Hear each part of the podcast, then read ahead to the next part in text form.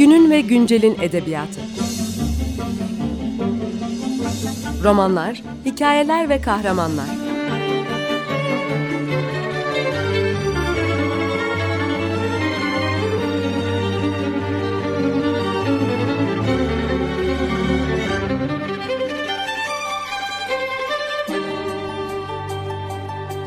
Hazırlayan ve sunan Seval Şahin.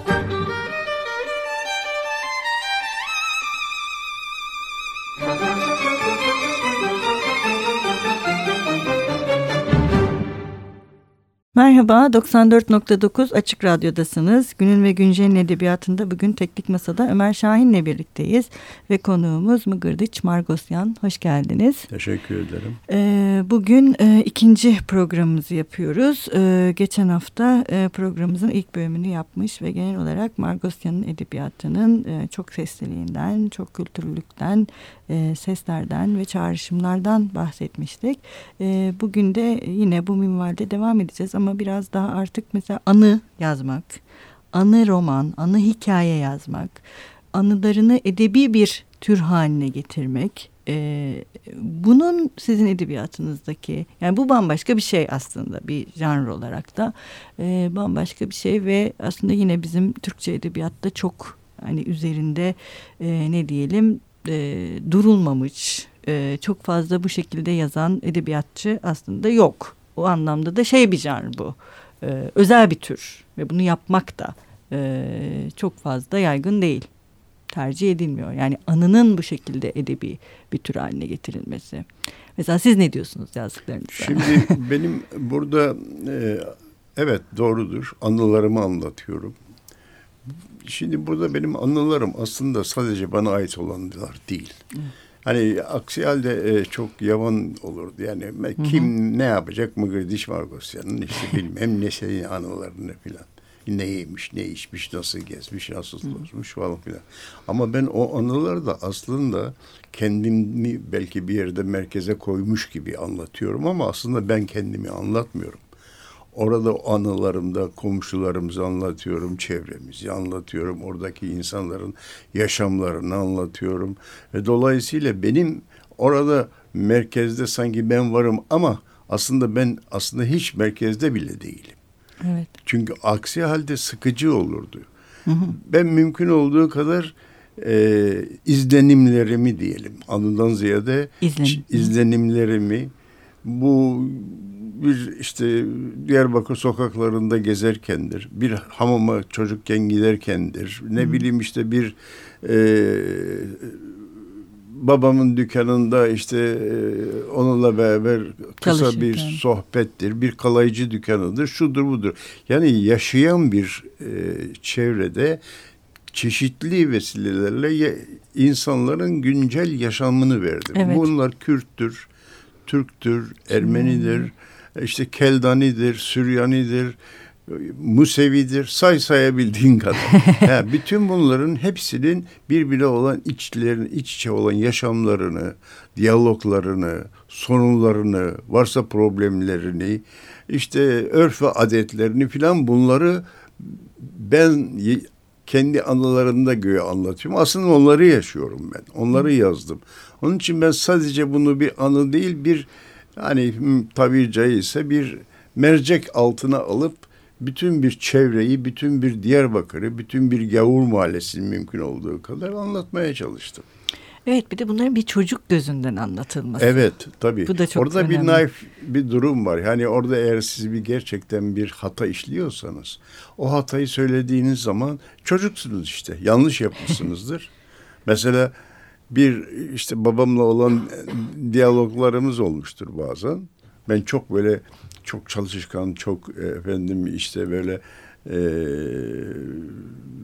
bir öğrenci değildim. Aslında sıkılıyordum da. Okul benim için güzeldi belki ama hani demirci de olabilirdim. Dayımın yanında demirci çıraklığı da yapıyordum. Öyle de devam edip gidebilirdim. Ama hasbel kader diyelim tırnak içerisinde okuduk falan falan. Şimdi ben orada o diyaloglar içerisinde babamın bana yaptığım bir hata karşısında kızdığı zamanki o tavrını yazıyorum. Ama orada babam bana onu söylerken güya beni kendince işte iyiye, güzele, doğruya doğru yöneltiyor. Ama ben onun o sözlerini kulak ar arkası edip onun bana aslında yapmamam gereken şeyi sanki illa yapmam gerekir gibi ilk fırsatta onu yapmaya kalkıyorum. gibi böyle evet. çocuksu şeyler. Yani oradaki o karakterler işte genelde onları anlattım yani. Evet bir de eh, yine ilk bölümde de konuşmuştuk. Bunlar hep kişiler üzerinden anlatılıyor bize. Yani birçok kişinin eh, işte hayatı eh, ve aslında şey de değil anlatıcı bize bunları bir gözle verirken aslında uzun uzun betimlemiyor onu. Biz aslında onun başkalarıyla kurduğu ilişkilerden yola çıkarak nasıl biri olduğunu canlandırıyoruz kafamızda. Bir de yine e, sizin aktarıcılığınızın böyle bir yönü var. Evet. Doğrudan anlatıcının e, müdahil olduğu bir ses değil, anlatıcının başkalarının seslerini toplayarak bize bir portre çizmesi de yine bununla bağlantılı sanırım değil mi? Öyledir. Bir de şu var. Bir de siz kendinizi anlatırken e, orada farkında olmadan bütün bir belki Anadolu'nun örf ve adetlerini dolaylı olarak iç içe geçmiş yaşamını da veriyorsunuz. Hı hı. Mesela benim okuyucularımda bana sık sık şu söyler. İzmirlidir, Karslıdır, Antakyalıdır, işte Sivaslıdır, şuralıdır, buralıdır. Ya hocam ne tuhaf ya. Senin anlattığın hikayeyi aynen biz de yaşadık. Hmm. Senin anlattıklarını biz de aynen çocukken yapıyorduk. Biz de şunu yapıyorduk. Yani sizin orada öne çıkarıp anlattığınız şeyler Zaten o coğrafyanın kendi hamurunda var. Ben bir şey yapmadım. Yani o anlattıklarında işte Margot Sen Diyarbakır anlatıyor ama yani İzmir'i de anlatıyor. Evet yani doğru. Muğla'yı da anlatıyor. Hatta hatta Edirne'yi de anlatıyor. Evet doğru. Dolayısıyla okuyucu oradan kendisine bir şeyleri bulduğu zaman memnun ve mutlu oluyor tabii. Yani bu şekilde bir e, yani kişilerin bu şekilde edebiyata mal edilmesi de aslında onun her coğrafyada yaşanılabilir bir şeyi tekabül etmesini de sağlıyor. Öyle evet. değil mi? Evet, yani tabii, tabii. yani ses ve ne diyelim kimlik bu sayede çokluk da kazanıyor aslında ve çoğalıyor da. Evet. Yani sesin çoğalmasını evet. da sağlayan bir şey. Yine e, bu taşradaki e, edebiyatın aktarımından biraz yine bir bahsetmek istiyorum ben. Burada siz de bahsettiniz işte bunlar nasıl yaşıyorlardı, gündelik hayatları neydi, işte burada o kadar çok detay var ki sizin edebiyatınızda. Hani neredeyse bir antropolog oturup yani hı hı. ne bileyim yüz yıl sonra bu sizin kitaplarınızı açsa ve yani tüm detaylı şeyi hani ne bileyim birinin anlatmadığı bir şeyi edebiyatla aktarılabilir hale getirmesi mümkün. Yani bu aynı zamanda bilimsel bir nesneye de dönüşebiliyor. Bu kadar ayrıntı evet. zenginliği. Evet burada burada e, şunu da gerçekten söylemekte fayda var. Bir antropolog olarak dediniz. Ben mesela e, bana bazen işte kulağıma geliyor veya şu veya bu şekilde söylüyorlar.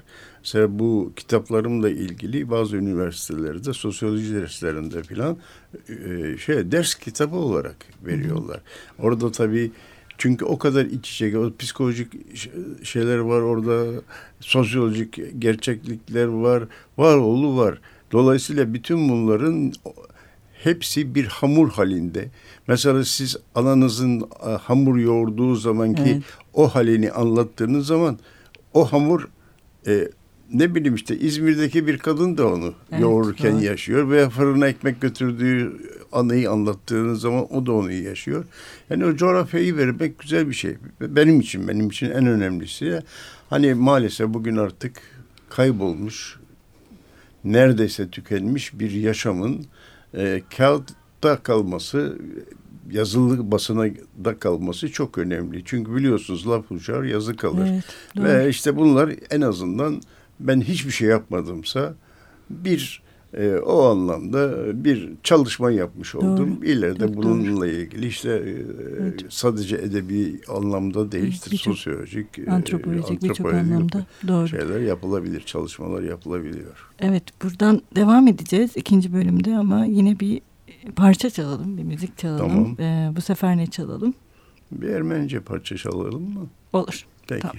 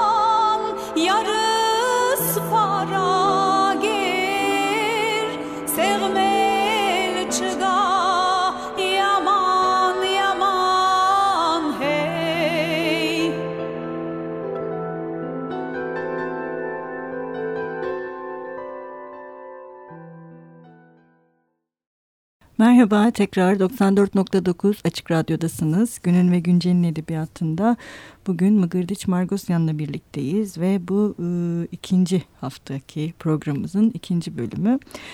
E, şimdi hep konuştuk baştan beri e, yani sesler, çağrışımlar, e, edebiyatın en ince ayrıntılarına kadar bir aktarıma dönüşmesi ve aslında bir coğrafyanın e, tüm seslerini biriktirmeye, e, ve aktarmaya yönelik bir çabaya dönüşmesinden bahsettik edebiyatın ve bunun beraberinde bir belleği de yani bir belleği ki bizim gibi hafızasız bir toplumda e, belleği yazıyla inşa etmek. Evet. E, ve bu inşada da e, sizin şöyle bir tarafınız da var.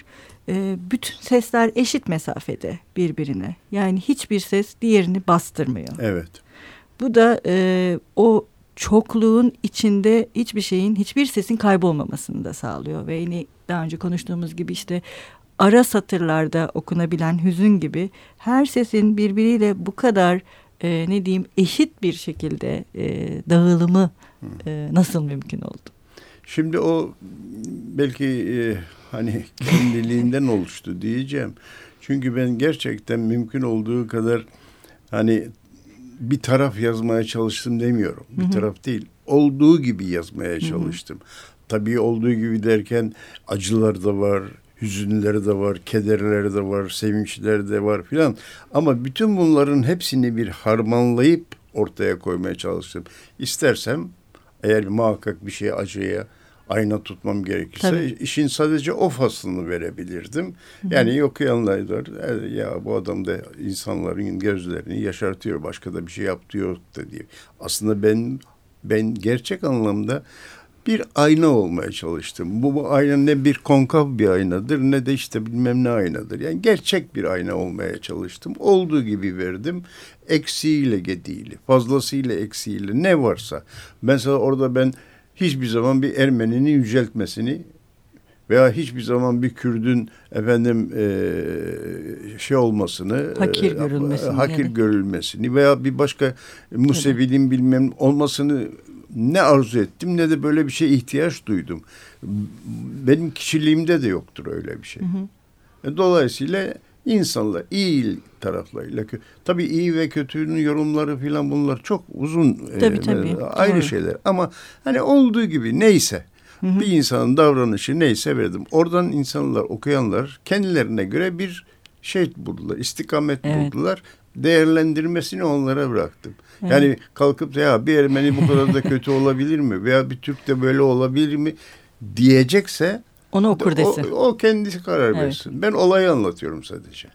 Tabii olayı anlatırken de mümkün olduğu kadar gerçekten e, bir taraf olma, o anlamda bir taraf olmaya çalışıyorum. Olduğu gibi hani bir ayna neyse onu yansıtır.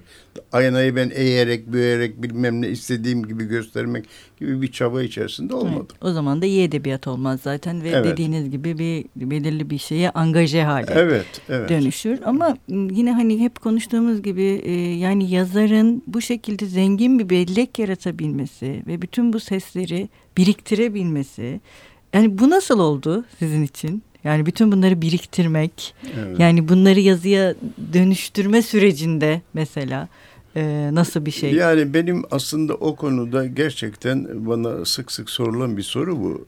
Ben özel bir gayret sarf etmedim. Yani gerçekten kendiliğinden oluştu. Hani ben şöyle de yapıyorum mesela hikayelerimde de vardır. Bir şeyi yazmaya başladığım zaman onun sonunun nereye geleceğini bilmem. Hmm. Oturup da ben buradan şunu koyacağım. Sonra bu olayı böyle geliş hani klasik kompozisyon edebiyat derslerinde verirler işte e, konunun işte giriş, girizgah, işte gelişim bilmem ne. Yok öyle bir şey. Ben hiç ilgisi olmayan bir şeyle başlayabiliyorum yazıya. Sonra hiç kesinlikle benim tahmin etmediğim bir yerde bir de bakıyorum bitirmişim. Hı hı. O kendiliğinden olmuş. Belki de şöyle bir şansım da oldu bilmiyorum. Belki iyi bir gözlemciyim farkında çok, olmadan. Çok iyi evet. Yani belki başkalarının görmek istemediği veya gördüğü de önemsemediği şeyleri ben galiba farkında olmadan özümsemişim. Evet. Benim böyle bir şeyim var diyelim. Fıtratımda evet. böyle bir şey vardı klasik evet. ibade. Doğru. Bir de hani yine hep konuştuk. E, bu maalesef yok olmuş. Bugün işte hatırlanıldığında da insana gerçekten bir ah çektiren hani neden yok olmuş e, ve neden bu, bunları kaybetmişiz diye düşünülen bir belleği e, siz son derece gerçekçi bir şekilde bize aktarıyorsunuz.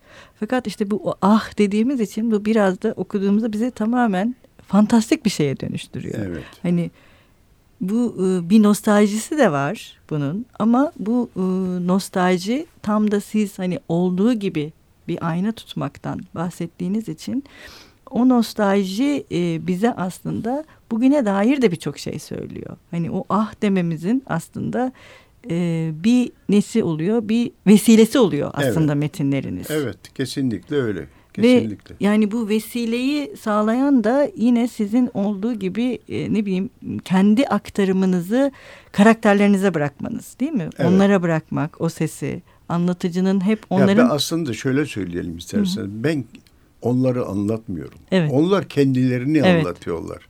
Ben aracısınız. Ben aracıyım. Gerçekten ben aracıyım.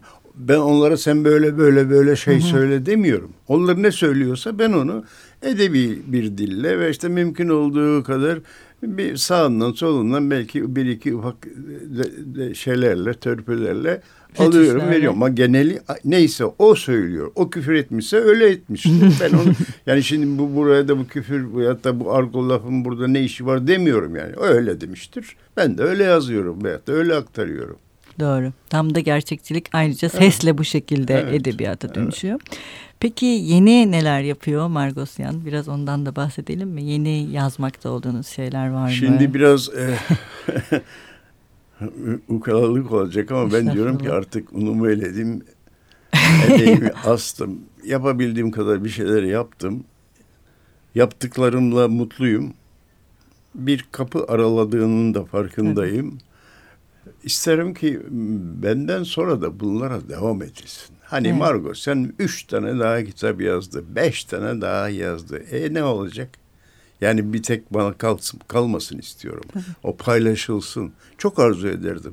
Hı. Gerçi sağ olsun bazı arkadaşlar benden e, yola çıkarak ufak tefek bir şeyler hı karaladılar kendilerine göre. Ben onlara da hep destek olmaya çalıştım. istiyorum mesela.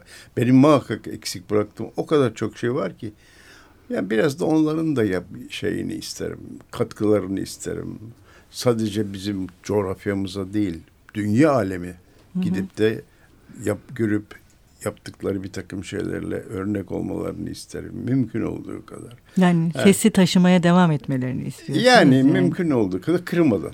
Evet kırmadan. Testiyi kırmadan taşımalarını isterim doğrusu. Ee, çok teşekkür ederiz. Ben Burada teşekkür iki haftadır gerçekten bizim için e, çok e, değerli ve şahane bir sohbet oldu sizinle burada olmak. E, bugün yine sizin eserlerinizden bir bölümle veda edelim isterseniz.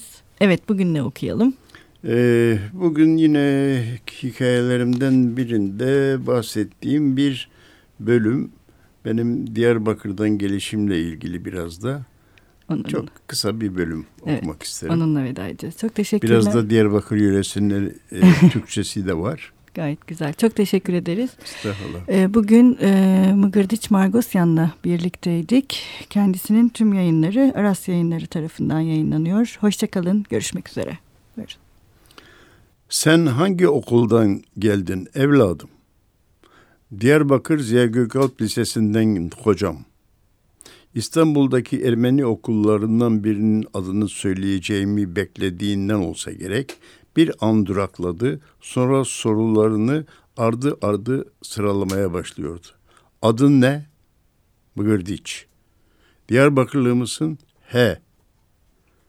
Sorulara evet ya da hayır diye cevap vermek gerekir evladım. He demeyi unut. Demek Diyarbakır'dan geldin. Evet. Ailecim buraya göç ettiniz. Yok, ben Yalavuz geldim. Neden yalnız? B- bütün bir ders sürecekmiş gibi gelen soru yağmuru altında giderek terlemeye başlıyordum.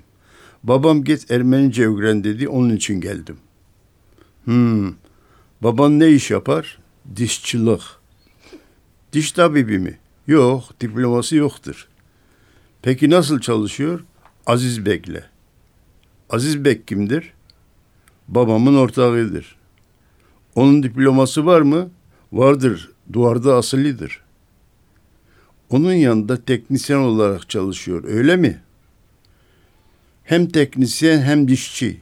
İğne yapar, ağrıyan dişi çeker, dolgu yapar, takım diş düzer.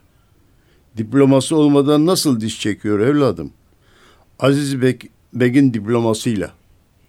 Eh doğrusu kelpentenle diş çekildiğini bilmiyordum ama diploma dediğin bu kağıt parçasıyla dişlerin söküldüğünü ilk kez senden duydum. Biraz daha alay edercesine söylediği cümlesine bu kez kendince açıklama getiriyordu. Anlaşıldı baban gizlice muazzalı çalışıyor.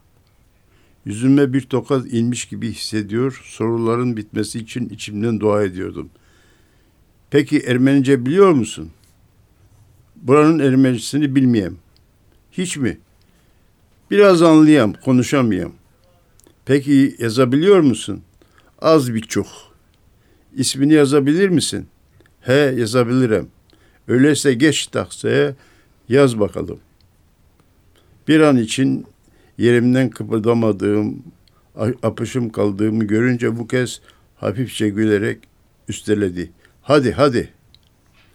Sınıfta birdenbire beliren ölümcül sessizlikte tüm gözlerin meraklı bakışları altında sıralar arasından yürüyüp tahtaya doğru ister istemez attığım her adımda giderek daha da yalpalıyordum.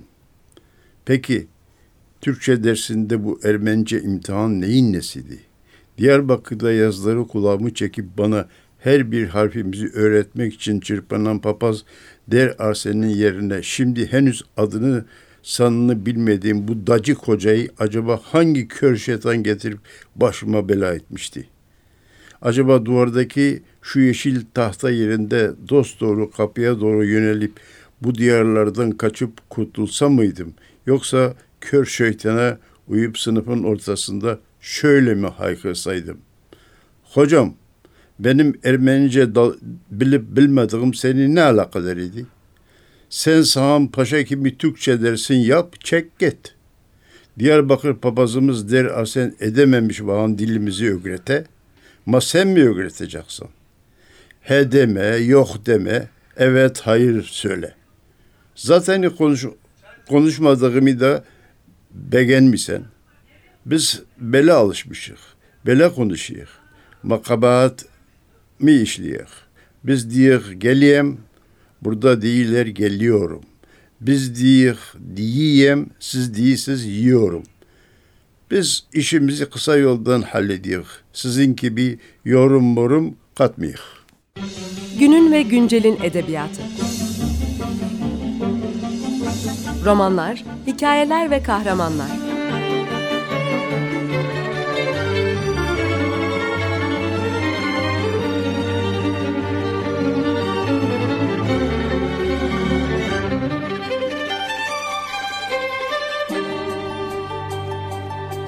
Hazırlayan ve sunan Seval Şahin.